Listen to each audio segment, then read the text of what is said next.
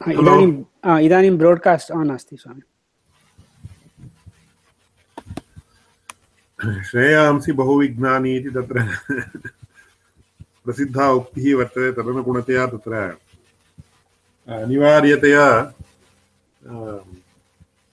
विघ्नाः आगच्छन्ति न अस्मदधीनं किमपि लोके। अतः तत्र अन्वयेन व्यतिरेकेण च व्याप्तिमत् अन्वयव्यतिरेकी इति तत्र सः विचारः ज्ञातः इति मन्ये। यस्य हेतोः अन्वयव्याप्तिः व्यतिरेकव्याप्तिश्चेति उभयमपि वर्तते, सः हेतुः अन्वयव्यतिरेकी हेतुः इति उच्यते। ततः परं तत्र केवलान्वयि हेतुः इति। तस्य विषयेपि किमपि किञ्चित् उक्तं, परन्तु पाठसमये पुनरुक्तिः न दोषाय इति मत्वा पुनः सम्यक् भवद्भिः ज्ञातव्यम् इति दृष्ट्या किञ्चित् उच्यते, तत्र।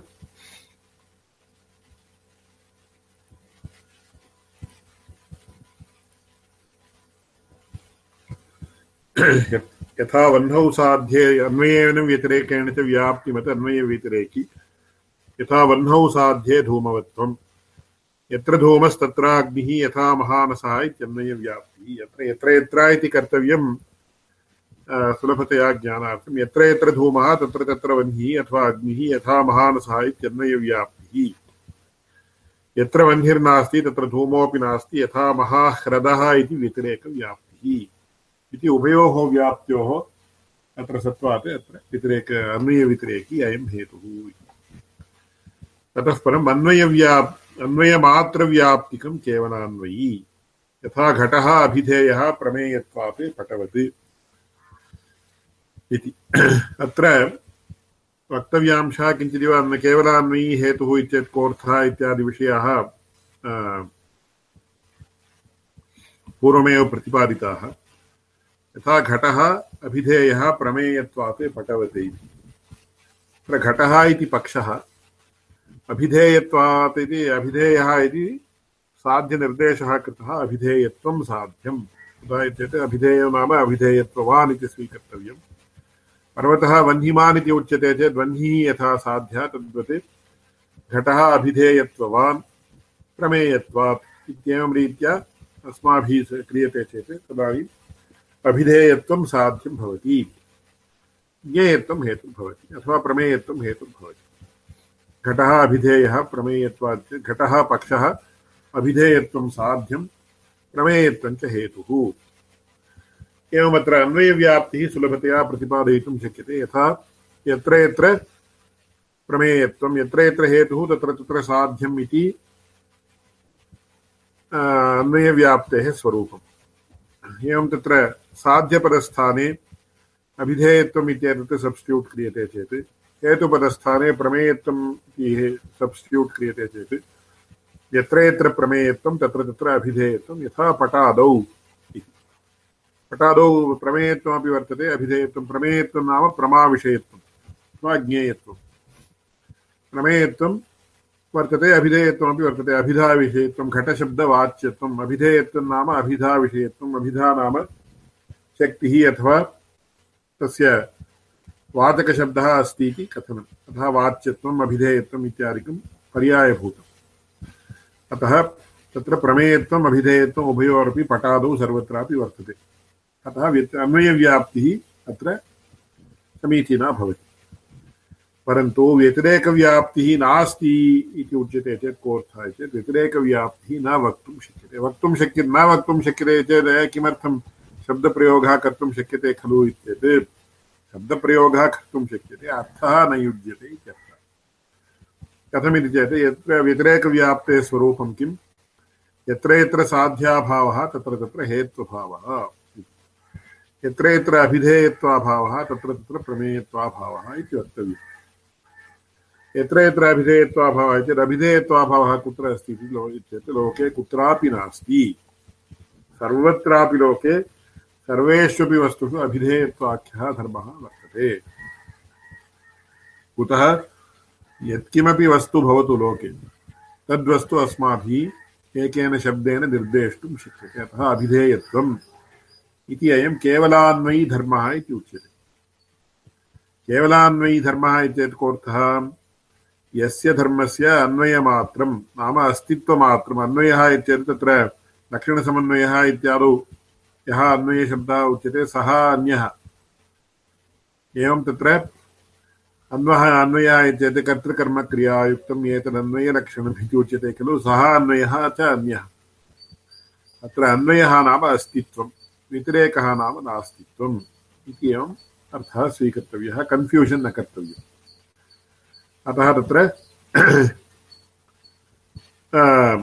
एते धर्माः केवलान्वयी धर्माः इति उच्यन्ते चेत् येषाम् अस्तित्वमात्रं प्रसिद्धं नास्तित्वम् अथवा अस्तित्वाभावः कुत्रापि न प्रसिद्धः, एते धर्माः केवलान्वयी धर्माः इत्युच्यन्ते अभिधेयत्वं प्रमेयत्वं, ज्ञेयत्वं वाच्यत्वम् एते धर्माः केवलान्वयी धर्माः एवञ्च प्रकृते तत्र यत्र यत्र अभिधेयत्वाभावः, तत्र तत्र प्रमेयत्वाभावः इति व्यतिरेकव्याप्तिः, तत्र सम्भावितव्यतिरेकव्याप्तिः।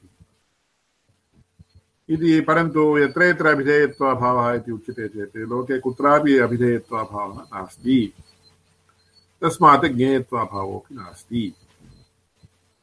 अतः अत्र प्रमेयत्वाभिधेयत्वयोः व्यतिरेकव्याप्तिर्नास्ति।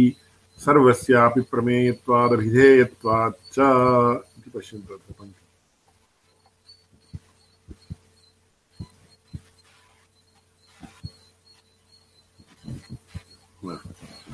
अत्र अन्वयमात्रव्याप्तिकं केवलान्वयी यथा घटोऽभिधेयः प्रमेयत्वात् पटवत् अत्र प्रमेयत्वाभिधेयत्वयोः व्यतिरेकव्याप्तिर्नास्ति।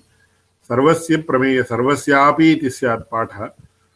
सर्वस्यापि प्रमेयत्वात् अभिधेयत्वाच्च इति तत्र फुल् स्टाप् एकं योजनीयम् ततः परं व्यतिरेकमात्रव्याप्तिकं केवलव्यतिरेकी यथा पृथिवीतरेभ्यो भिद्यते गन्धवत्वात्। अत्रैव किञ्चिदिव कन्फ्यूषन् इत्युच्यमानस्य ज्ञाने क्लेशस्य अवकाशः वर्तते। इदानीं पृथिवी इतरभिन्ना गन्धवत्वात् अथवा गन्धात् इदानीमत्र पक्षः, पृथिवी इति पक्षः इतरभिन्ना इति साध्यनिर्देशः। भिन्नः इत्यस्य कोऽर्थः? इति चेत् भेदवान् इत्यर्थः। यथा इदानीम् अत्र एकम् एतत् सी वर्तते। तत्र एकं दूरवाणीयन्त्रं वर्तते। एतत् सी डी अपेक्षया दूरवाणीयन्त्रं भिन्नम् इति उच्यते। भिन्नम् इत्यत् कोऽर्थः सी डी भेदविशिष्टम् इत्यर्थः। भिन्नं नाम भेदविशिष्टम् अथवा भेदवान्, भेदवत् इत्यर्थः। प्रकृते च पृथिवी इतरभिन्ना इत्यर्थे पृथिवी इतरभेदवती इति तत्र भवति। कस्मात् गन्धवत्वात् अथवा गन्धात्। गन्धवत्वं च गन्ध एव तस्मात् गन्धात्। एवञ्च पृथिवी इतरभेदवती इत्येतत् कोऽर्थः? पृथिवीतरभेदवती। पृथिवीतरभेदवती इत्येतत् साध्यं किं पृथिवी पृथिवीतरभेदवती इत्येतत् पृथिवी इति पक्षः। पृथिवीतरभेदः साध्यः। गन्धः हेतुः। पृथिवीतरभेदः कुत्र वर्तते? पृथिव्यामेव वर्तते। पृथिवीभिन्ने कुत्रापि नास्ति। कुतः पृथिवीतरभेदः नाम? पृथिव्यपेक्षया इतरत् किं जलादि, जलः, तेज, जलं, तेजः, वायुः, आकाशः इत्यादिकम्। इतर षट्पदार्थः, गुणः, कर्म सामान्यं विशेषः, समवायः, अभावः। एते षट्पदार्थाः अपि पृथिवी इतरात् इतराः। एवं द्रव्ये इतर अष्टद्रव्याणि अथवा अतः पृथिवी इतरत् नाम किं पृथिवी भिन्नं सर्वं जगत् इति वक्तुं अथवा पृथिवी भिन्न अष्टद्रव्याणि, पृथिवी भिन्न षट्पदार्थाः इति एतत् सर्वमपि पृथिवीतरत् पृथिवीतरभेदः कुत्र वर्तते? पृथिव्यामेव वर्तते। अतः पृथिव्यापेक्षया, पृथिव्यपेक्षया इतरत् जगत् सर्वं पृथिवी भिन्नं जगत् तद्भेदः कुत्र वर्तते? पुनः पृथिव्यामेव वर्तते। अतः पृथिवी इतरभिन्ना इति चेत् पृथिवी पृथिवी इतरभिन्ना पृथिवी पृथिवी इतरभेदवती गन्धात्। इति तत्र पक्षः, पृथिवी इति पक्षः पृथिवीतरभेदः साध्यः। गन्धः हेतुः। अत्र सम्भावित अन्वयव्याप्तिः कथं भवति? यत्र यत्र सा तत्र तत्र साध्यम् इति वक्तव्या। इत्येतत् यत्र यत्र गन्धः, तत्र तत्र इति अन्वयव्याप्तिः वक्तव्या। यत्र यत्र गन्धः इदानीं पृथिवी पक्षः, पक्षभिन्नः कश्चन दृष्टान्तः उपपादनीयः। यथा इदानीं पर्वतः वह्निमान् धूमात् इति उच्यते चेत्, अन्वयव्याप्तिः कथमुच्यते यत्र यत्र धूमः, तत्र तत्र वह्निः, यथा महानसः इति उच्यते। एवं खलु क्रियते। यत्र यत्र धूमः, तत्र तत्र वह्निः, यथा पर्वतः इति उच्यते चेत्, विषयः न समीचीनो भवति। अत्रैव अस्माभिः वह्नेः साध्यमानत्वात् अतः दृष्टान्तः नियमेन पक्षभिन्नः भवेत्। इति साधारणतया अस्य अपवादः वर्तते, सविचारः इदानीं मास्तु। अतः नियमेन अस्माभिः दृष्टान्तः प्रदर्शनीयश्चेत् दृष्टान्तः पक्षभिन्नः एव स्यात्। प्रकृते तावत् यत्र यत्र गन्धः, तत्र तत्र पृथिवीतरभेदः इति वक्तव्यं यत्र यत्र गन्धः इति चेत् पृथिवीभिन्ने कुत्रापि गन्धः नास्ति। पक्षभिन्ने कुत्रापि साध्यं न, हेतुः नास्ति। साध्यमपि नास्ति। यत्र यत्र गन्धः, तत्र तत्र पृथिवीतरभेदः इति वक्तव्यम्। तत्र जलादौ अन्यत्र कुत्रापि गन्धोऽपि नास्ति। हेतुरपि नास्ति पृथिवीतरभेदोऽपि नास्ति, तत्र पृथिवी इतरत्वमेव वर्तते पृथिवीतरभेदः नास्ति। अतः अत्र पक्षभिन्नस्य, दृष्टान्तस्य, हेतुसाध्यविशिष्टस्य अभावात् अन्वयव्याप्तिः नास्ति। अन्वयव्याप्तिः न उपपादयितुं शक्यते। इति प्रधानतया ज्ञातव्यम्। अतः अत्र पृथिवीतरभिन्ना गन्धवत्वादिति स्थले इदम् इदं केवलान्वयिसाध्यकं लिङ्गं, केवलान्वयिसाध्य, न केवलव्यतिरेकि हेतुः इति उच्यते। केवलव्यतिरेकि हेतुः यस्य हेतोः अन्वयव्याप्तिः न उपपादयितुं शक्यते, सः हेतुः केवलव्यतिरेकि हेतुः परन्तु व्यतिरेकव्याप्तिः उपपादयितुं शक्यते वा इति शक्यते। कथम्? यत्र यत्र पृथिवीतरभेदाभावः, तत्र तत्र गन्धाभावः यथा जलादौ अत्रैव साङ्कर्यं न कर्तव्यम्, अतीव सावधानतया ज्ञातव्यं यत्र यत्र पृथिवीतरभेदाभावः। पृथिवी अस्ति पृथिवी इतरते जलादि, तद्भेदः पृथिव्या। तद्भेदाभावः पुनः कुत्र वर्तते? जलादौ। एवम् एवम् एवम् एवम् एवं पुनः पुनः विपरिवर्तते। पृथिवी इति प्रथमं पृथिवी इतरते जलादिकं सर्वं तद्भेदः कुत्र वर्तते? पृथिव्यां वर्तते। तादृशभेदाभावः कुत्र वर्तते? जलादौ वर्तते।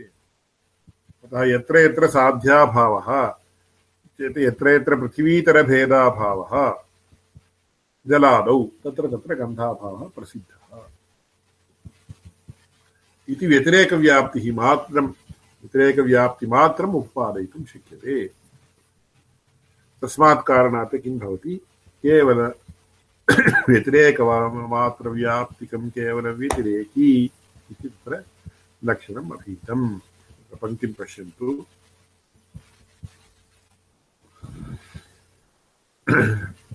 तत्र व्यतिरेकमात्रव्याप्तिकं केवलव्यतिरेकि यथा पृथिवीतरेभ्यो भिद्यते गन्धवत्वात्। यदितरेभ्यो न भिद्यते न तद्गन्धवत् इति एवं रीत्या एभिः व्याप्तिः प्रदर्शिता। मया कथं प्रदर्शितमित्येतत् अयमेव, इयमेव व्याप्तिः तत्र पृथक् शब्दैः अथवा किञ्चिदिव भिन्नशब्दैः प्रदर्शिता। यदितरेभ्यो न भिद्यते न तद्गन्धवते इति उक्तम् तदेव मया कथमुक्तं, सुलभतया ज्ञानार्थं, सुलभतरतया ज्ञानार्थम् इति चेत्। यत्र यत्र पृथिवीतरभेदाभावः, तत्र तत्र गन्धाभावः। पृथिवी वर्तते, पृथिवीतरते जलादिकं, तद्भेदः पुनः पृथिव्यां। तादृशपृथिवीतरभेदाभावः पुनः जलादौ भवति। अतः यत्र यत्र पृथिवीतरभेदाभावः, तत्र तत्र गन्धाभावः यथा जलादौ। तदेव यदितरेभ्यो न भिद्यते न तद्गन्धवति इति उक्तम्। यदितरेभ्यो न भिद्यते न तद्गन्धवति चेत् यथा जलादिकम्।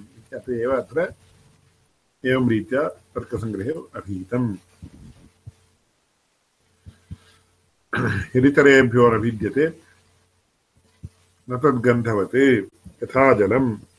न चेयं तथा तस्मान्न तथेति, न चेयं तथा पृथिवी न तथा तस्मान्न तथा इत्येते पृथिव्यां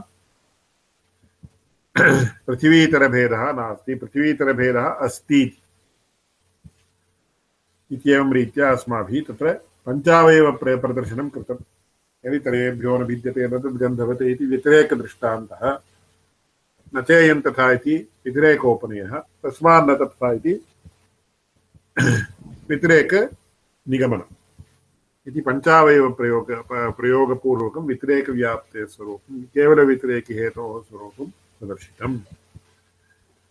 एवमत्र किमर्थं केवलव्यतिरेकी इति उच्यते अन्वयव्यति अन्वयव्याप्तिर्नास्ति वा अत्र इत्युक्ते अत्र यद्गन्धवत्, तरितरभिन्नम् इत्यन्वये दृष्टान्तो नास्ति।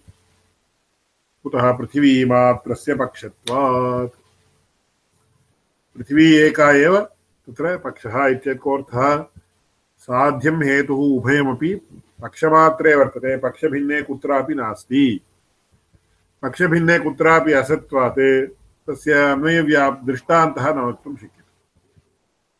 अतः तस्मा अन्वयव्याप्तिरपि न वक्तुं शक्यते। केवलं व्यतिरेकदृष्टान्तस्य वक्तुं शक्यत्वात्। तत्र व्यतिरेकव्याप्तिमात्रं वक्तुं शक्यते। अथवा व्यतिरेकव्याप्तिः वक्तव्या चेत् व्यतिरेकदृष्टान्तः आवश्यकः। तस्मात् तथा उच्यते। इति केवलव्यतिरेकिहेतोः उदाहरणम्।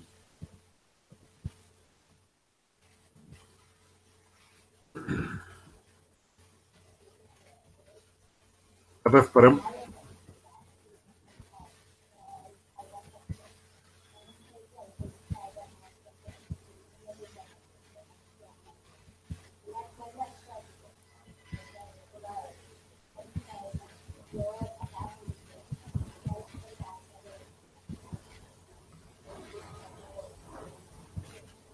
सन्दिग्धसाध्यवान् पक्षः।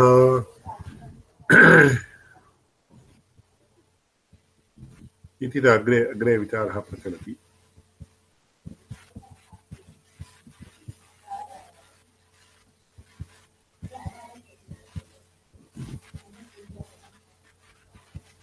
अयं विषयः इदानीं ज्ञातो वा? आं स्वामी। आनन्दमहाभाग कोऽपि सन्देहः अस्ति वा? अथवा अयं विषयः सम्यक् ज्ञातो वा?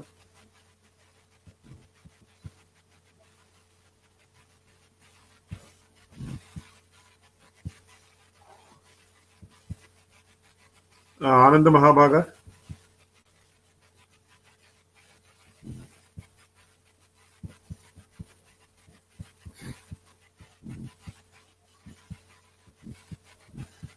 न श्रूयते आनन्दमहाभागस्य आं न श्रूयते कोऽपि सन्देहः अस्ति वा? अथवा अग्रे गच्छामः वा? न न अग्रे गन्तुं शक्यते हलो